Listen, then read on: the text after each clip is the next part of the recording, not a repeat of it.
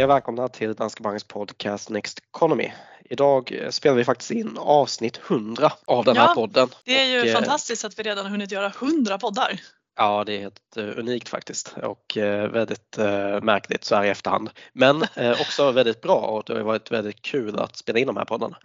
Men eftersom att vi då spelar in avsnitt 100 idag så tänker vi att vi ska försöka gå igenom lite av några teman och så som vi har producerat under de här avsnitten. Och om man nu har lyssnat på oss i så här många avsnitt så kan det vara lite intressant att bara prata om hur vi gör ett avsnitt. Hur går det till Marie? Ja, men till att börja med så försöker vi ju sätta teman för några poddar framåt. Dels lite utifrån vad vi ser är aktuellt eh, utifrån marknadsläge och vad vi, vad vi jobbar med för tillfället.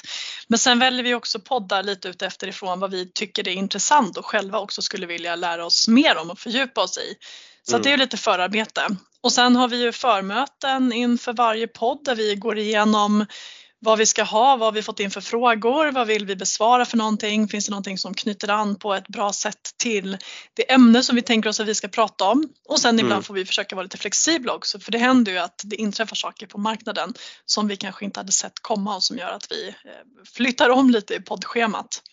Ja, Men precis det är väl ungefär alltså, upplägget inför podden kan man säga och sen, sen är det ju själva inspelningen då som vi gör antingen digitalt eller i vår, vår studio på eh, Danske Bank på Norrmalmstorg. Sen är inte jag inblandad så mycket i det som händer därefter. Nej precis, men det är väl egentligen det som du tog upp där som är det viktiga kanske. Alltså vi har någon typ av planering och sen så sätter vi några punkter vi ska prata om och sen så spelar vi in och sen så redigerar och klipper jag och du skriver en avsnittsbeskrivning och sen publicerar jag podden.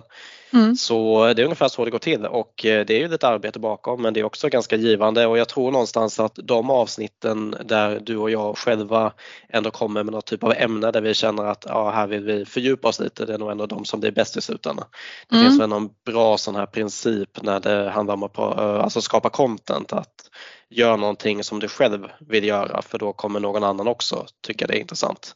Ja, Eh, Och det är mer uthålligt över tid också. Eh, för det blir väldigt svårt om man bara ska anpassa sig till det som andra vill lyssna på. mm.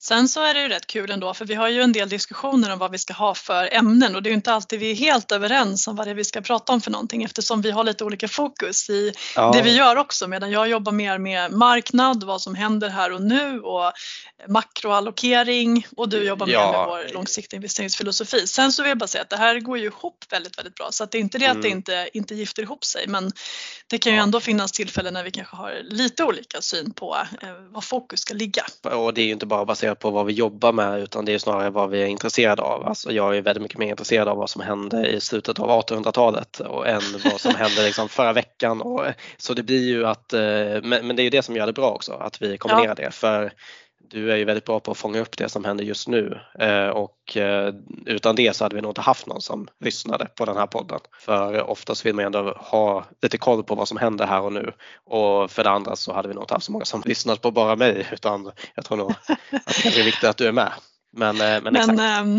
Men, jag tycker ändå att det här det blir ju en rätt kul kombination och sen apropå att vi pratar om det som vi är intresserade av och eh, jobbar med. Så vi har ju båda turen att jobba med någonting som vi faktiskt tycker är väldigt roligt och det tror jag också bidrar till att det oftast i alla fall blir ganska bra. Ja men faktiskt. Och som du är inne på där så eh, just i och med att vi har också möjligheten då, för det blir ju någon typ av att man kan hela tiden utveckla sig inom olika ämnen via podden är väldigt bra. Och jag känner också att jag tror att vi kan också ha ett fördel av att vi båda inriktar oss på lite olika ämnen. För jag menar jag lär mig mycket av att eh, prata med saker, om saker med dig.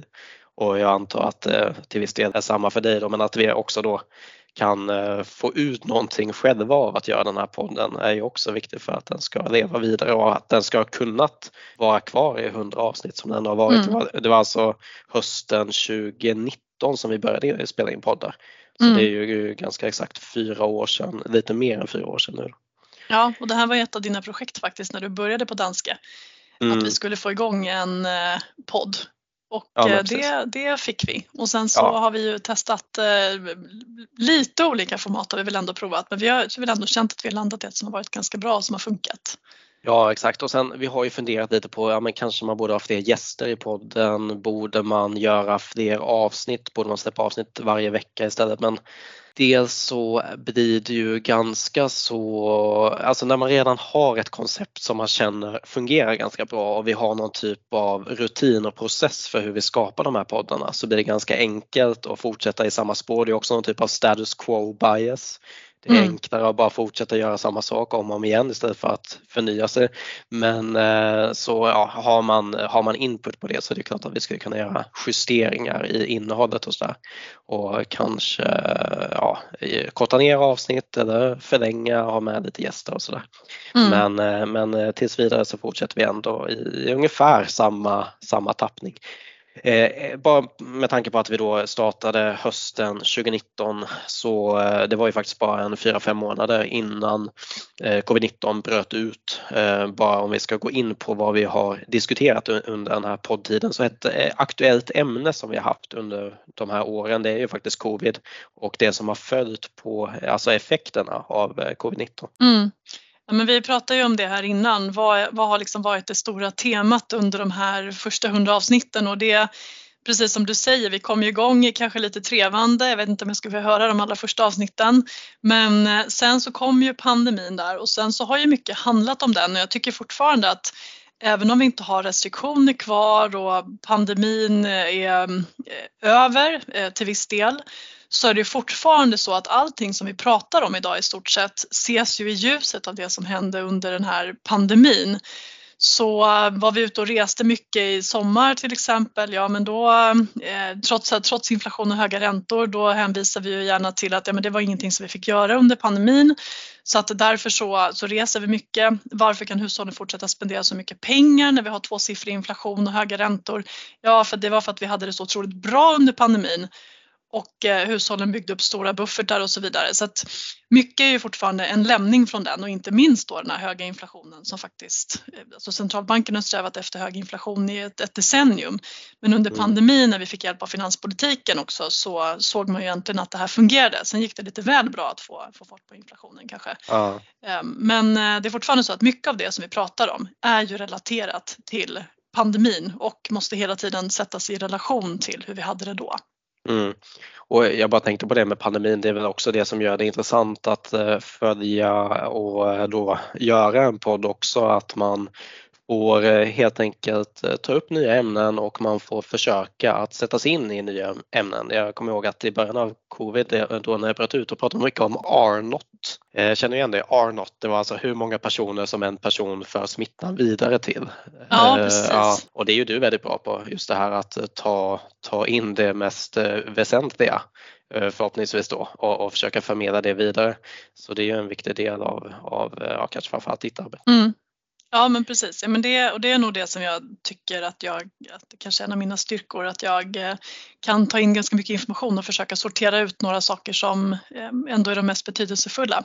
Mm. Eh, men, men innan vi kanske går vidare från det här evigt aktuella ämnet känns det som just nu så finns det faktiskt en rent praktisk konsekvens som jag stöter på väldigt ofta i mitt arbete och det är ju att pandemin ställde ju till alla grafer. Alltså efter pandemin så har vi vissa grafer som ser helt vansinniga ut. Till exempel om man tittar på arbets, nyanmälda arbetslösa i USA som normalt sett kanske ligger på ett par hundratusen per månad eller per vecka vilket är rätt normalt då. Och sen så drog den där siffran rakt upp till drygt 6 miljoner per vecka i mars 2020.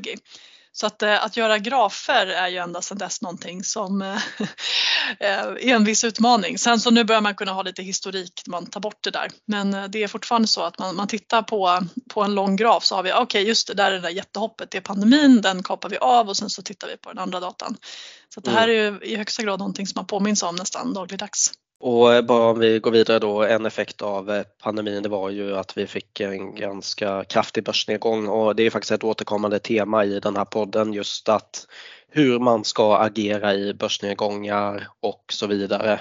För det är ju faktiskt ett ämne som många är intresserade av såklart. Alltså när börsen går ner så vill många veta hur de ska agera och därför blir det ju också avsnitt som många lyssnar på har vi märkt Mm. Och eh, ja, vi gör ju den här podden för våra kunder och sen också för andra som, som eh, vill lyssna på den.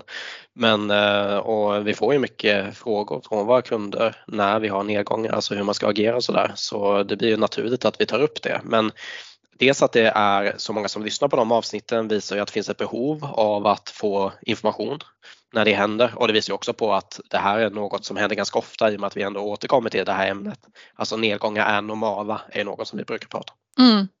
Och det är klart att börsras är någonting som rör upp väldigt starka känslor så att eh, det här hör till våra absolut mest lyssnade avsnitt är ju inte så konstigt på det sättet. Då. Eh, sen så tycker jag att det finns ju eh, Eh, så som sagt ett stort intresse och det här är ju en, en återkommande fråga. Och jag tog en titt bara på hur Stockholmsbörsen har rört sig tillbaka till 1980 så att det i princip under de senaste 42-43 åren. Och eh, om man tittar på enskilda kalenderår så har Stockholmsbörsen vid ett par tillfällen stängt året 50% ner ungefär. Så att det är två gånger under alla de här åren. Så det är ganska ovanligt att, att vi verkligen får sådana här riktigt kraftiga börsras.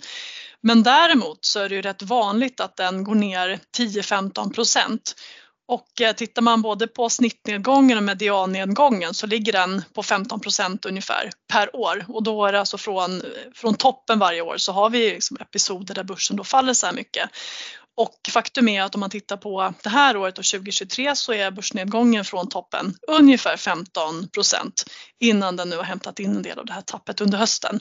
Så att på det sättet så är 2023 ett högst normalt år eh, och det här är en börsnedgång som man ska vara beredd på kan komma i stort sett när som helst men samtidigt så är det alltid så att det känns väldigt stressigt när det väl händer och när man mm. befinner sig i det så är det svårt att bedöma om det som orsakar börsnedgången är någonting som kommer bli bestående eller om det bara är någon tillfällig sak som kommer blåsa över. Så mm. att eh, stora som små börsnedgångar men när de börjar gå över 10% då tenderar många att börja fundera på vad det är som händer eh, och då kommer två frågor. Ska man köpa eh, eller ska man sälja? Det är de två ja, Ja, men precis. Och en naturlig del i det här med börsnedgångar det är ju börspsykologi som ju också har varit en viktig del av våra poddar och eh, jag brukar prata om jag tänkte på det här innan faktiskt. Egentligen så finns det ju hundratals eh, tankefel eller kognitiva biaser och eh, jag brukar väl ändå nästan sammanfatta det i eh, fem stycken, alltså det är någon typ av 80-20 princip. Vilka är de fåtal sakerna som står för majoriteten av resultaten? Och jag, jag tycker att om man kollar på fem stycken, man kollar på flockbeteende, närtidsbias, ångeraversion, aktivitetsbias och förlustaversion, då har man ändå täckt in ganska mycket av de här olika misstagen som vi gör i, eh, när vi investerar. Så det är några fem stycken då som jag brukar återkomma till och eh, jag tycker att de förklarar ganska mycket av det vi gör. Så eh, som sagt, börspsykologi är ett ämne som vi eh, återkommer till om och om igen i podden också. Jag tror att vi kan gå vidare till ett annat sånt här populärt ämne som är vad man ska köpa och det där är ju såklart ett evigt aktuellt ämne med tanke på att det är det som skrivs om hela tiden. Det är väl klart att då finns det ju en efterfrågan på det om det är det som man läser om i tidningen. Det skrivs ju om det på grund av att det redan finns en efterfrågan. Mm. på den typen och eh, den typen av avsnitt har ju såklart varit många som har lyssnat på också och eh, när vi pratar om vad man ska köpa så blir det ju mera i form av aktier, regioner, sektorer, eh, typer av obligationer och sådär. Men det är ju populära avsnitt också. Absolut och precis som du säger så kan man ju se bara man tittar på vilka nyhetssajter som rör ekonomi som helst att Eh, den gärna vill eh, toppas av eh, här, tre kursdubblare med potential eller aktien du ska lägga i byrålådan. Alltså köptips är ju väldigt lockande för många och även topplistor tycks ju ha samma effekt. Alltså att läsa om vilka som är de mest köpta och sålda aktierna och fonderna är ju en ständigt återkommande artikel och uppenbarligen någonting som, som många är intresserade av. Sen är det tyvärr en ganska dålig eh, sak att använda som underlag för vad man själv ska investera i.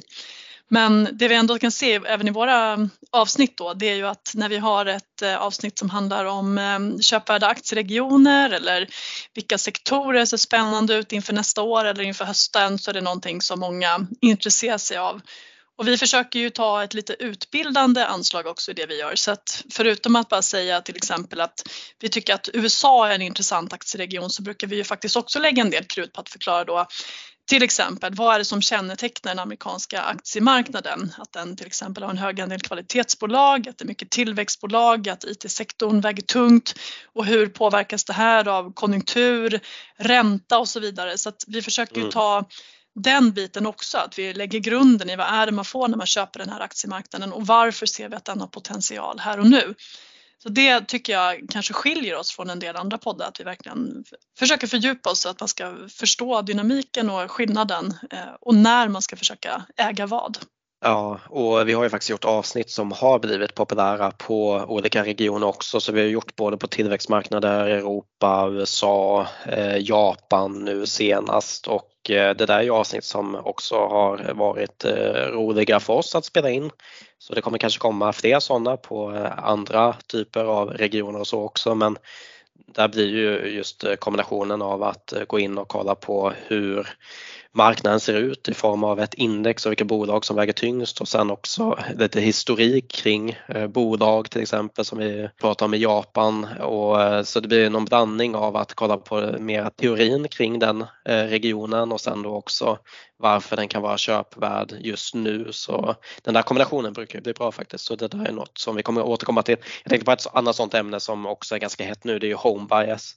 Det har vi också återkommit till för mm det är ju något som man såklart ställer den frågan eh, om och om igen egentligen. Alltså hur stor andel svenska bolag ska man ha i portföljen?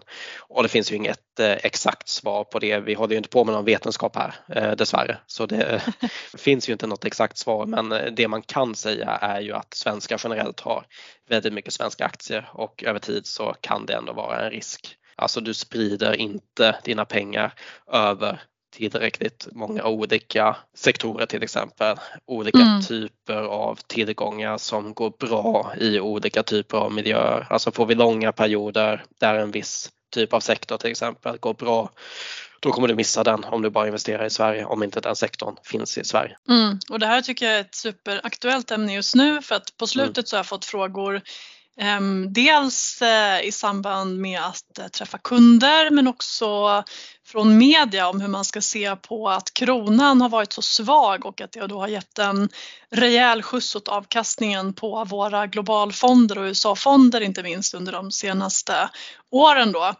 Eh, och eh, om det nu är så att man ska sälja av en del av detta och ta hem mer pengar och placera i svenska aktier och fonder eh, därför att valutan skulle kunna komma att stärkas framöver och att det då blir en motvind.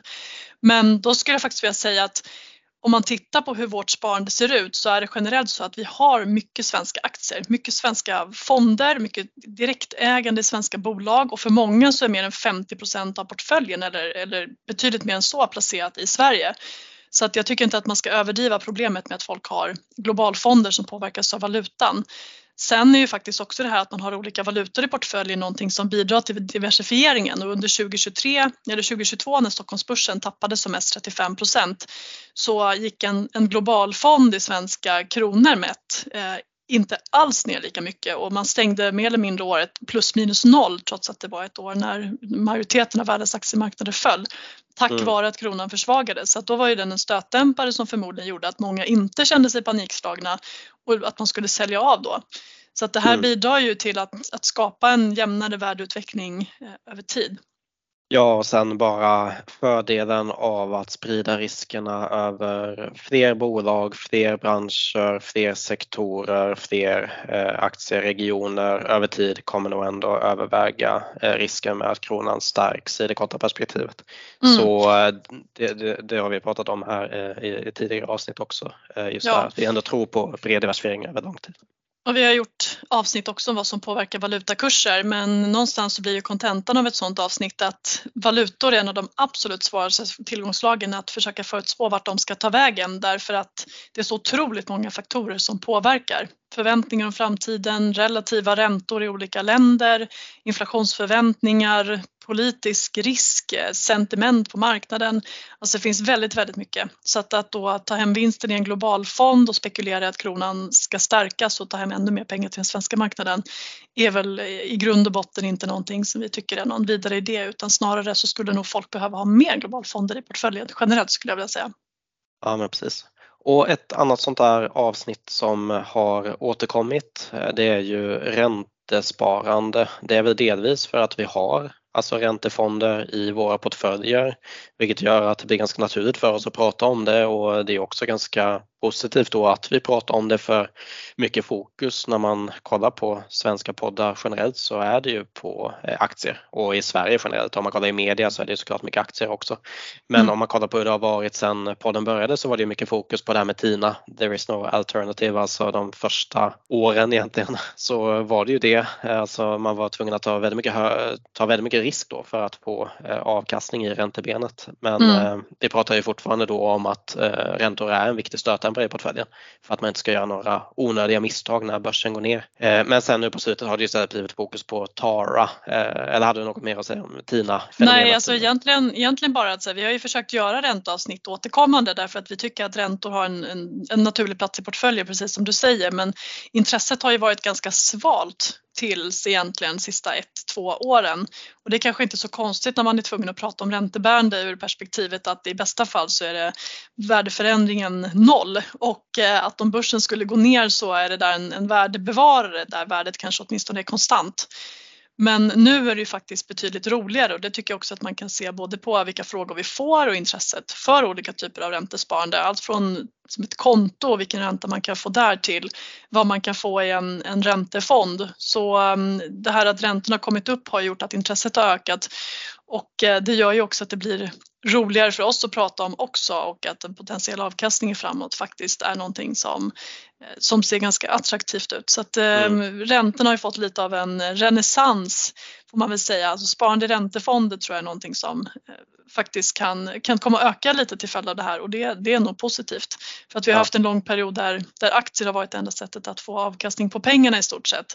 Och sen så har börsen stigit mycket också under många år och det gör ju att som intresset vi blir ju gradvis större och större för att investera på börsen där det bara verkar gå upp istället för räntefonder som bara ligger och tickar i sidled.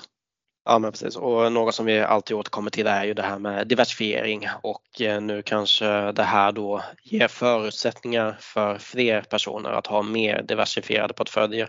För om man känner att man också kan få lite avkastning i räntebenet så kanske det kommer göra att fler eh, får upp ögonen för att faktiskt då sprida riskerna både över aktier och obligationer vilket ju ger en bättre portfölj och förhoppningsvis en bättre riskjusterad avkastning över tid och också mindre risk för något annat som vi har pratat om mycket att man då, ja beteendegapet, alltså att vårt eget beteende bidrar till att vi får en underavkastning mot de investeringar som vi har och ett viktigt sätt att stänga det gapet är ju då genom att diversifiera och att dra ner de här svängningarna eller nedgångarna till en nivå som man själv kan hantera.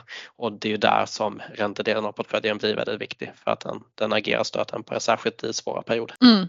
Precis. Eh, bra, jag tänker att vi ska gå vidare också och prata om de studier eh, vi har tagit upp i podden och Eh, Eh, det blir ju mycket fokus på marknadstiming, diversifiering och eh, investerares beteende i de här studierna som kommer i slutet av varje podd och jag tänkte bara ta, ta med några sådana här favoriter som jag ändå eh, tycker om att återkomma till. Och jag, om man ska läsa studier inom det här ämnet, mera payroll finance och så, så tycker jag att man ska kolla på allting från Brad Barber och Terence Odin skriver väldigt bra om marknadstiming och de skriver både inte så akademiskt, alltså de skriver intressant på intressanta ämnen och det är mera beteende än mycket siffror och sådär. Och sen eh, brukar vi återkomma till Henrik Besenbinder. Han har gjort flera mm. studier som visar hur ett eh, fåtal vinnaraktier står för majoriteten av avkastningen över tid.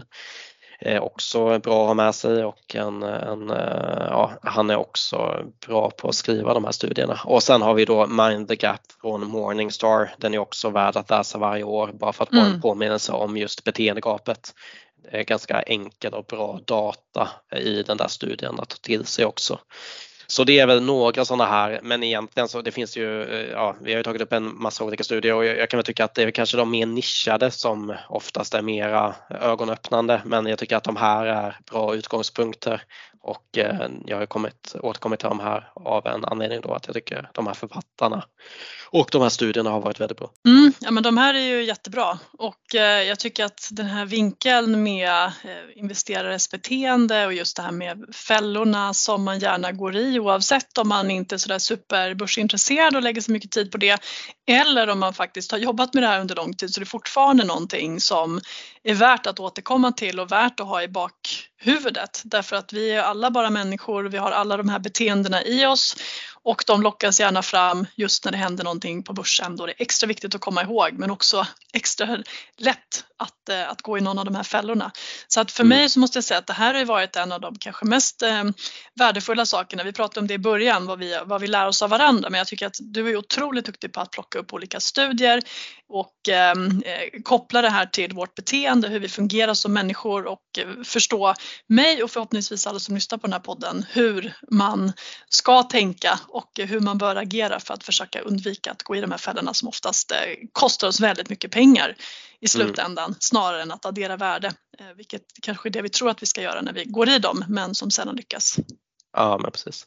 Och eh, det här är ju då ämnen som vi kommer fortsätta att prata om. Alltså det här är ju någonstans en podd där vi återkommer om och om igen till saker. Så om man lyssnar på varje avsnitt så känner man ju igen saker sedan tidigare.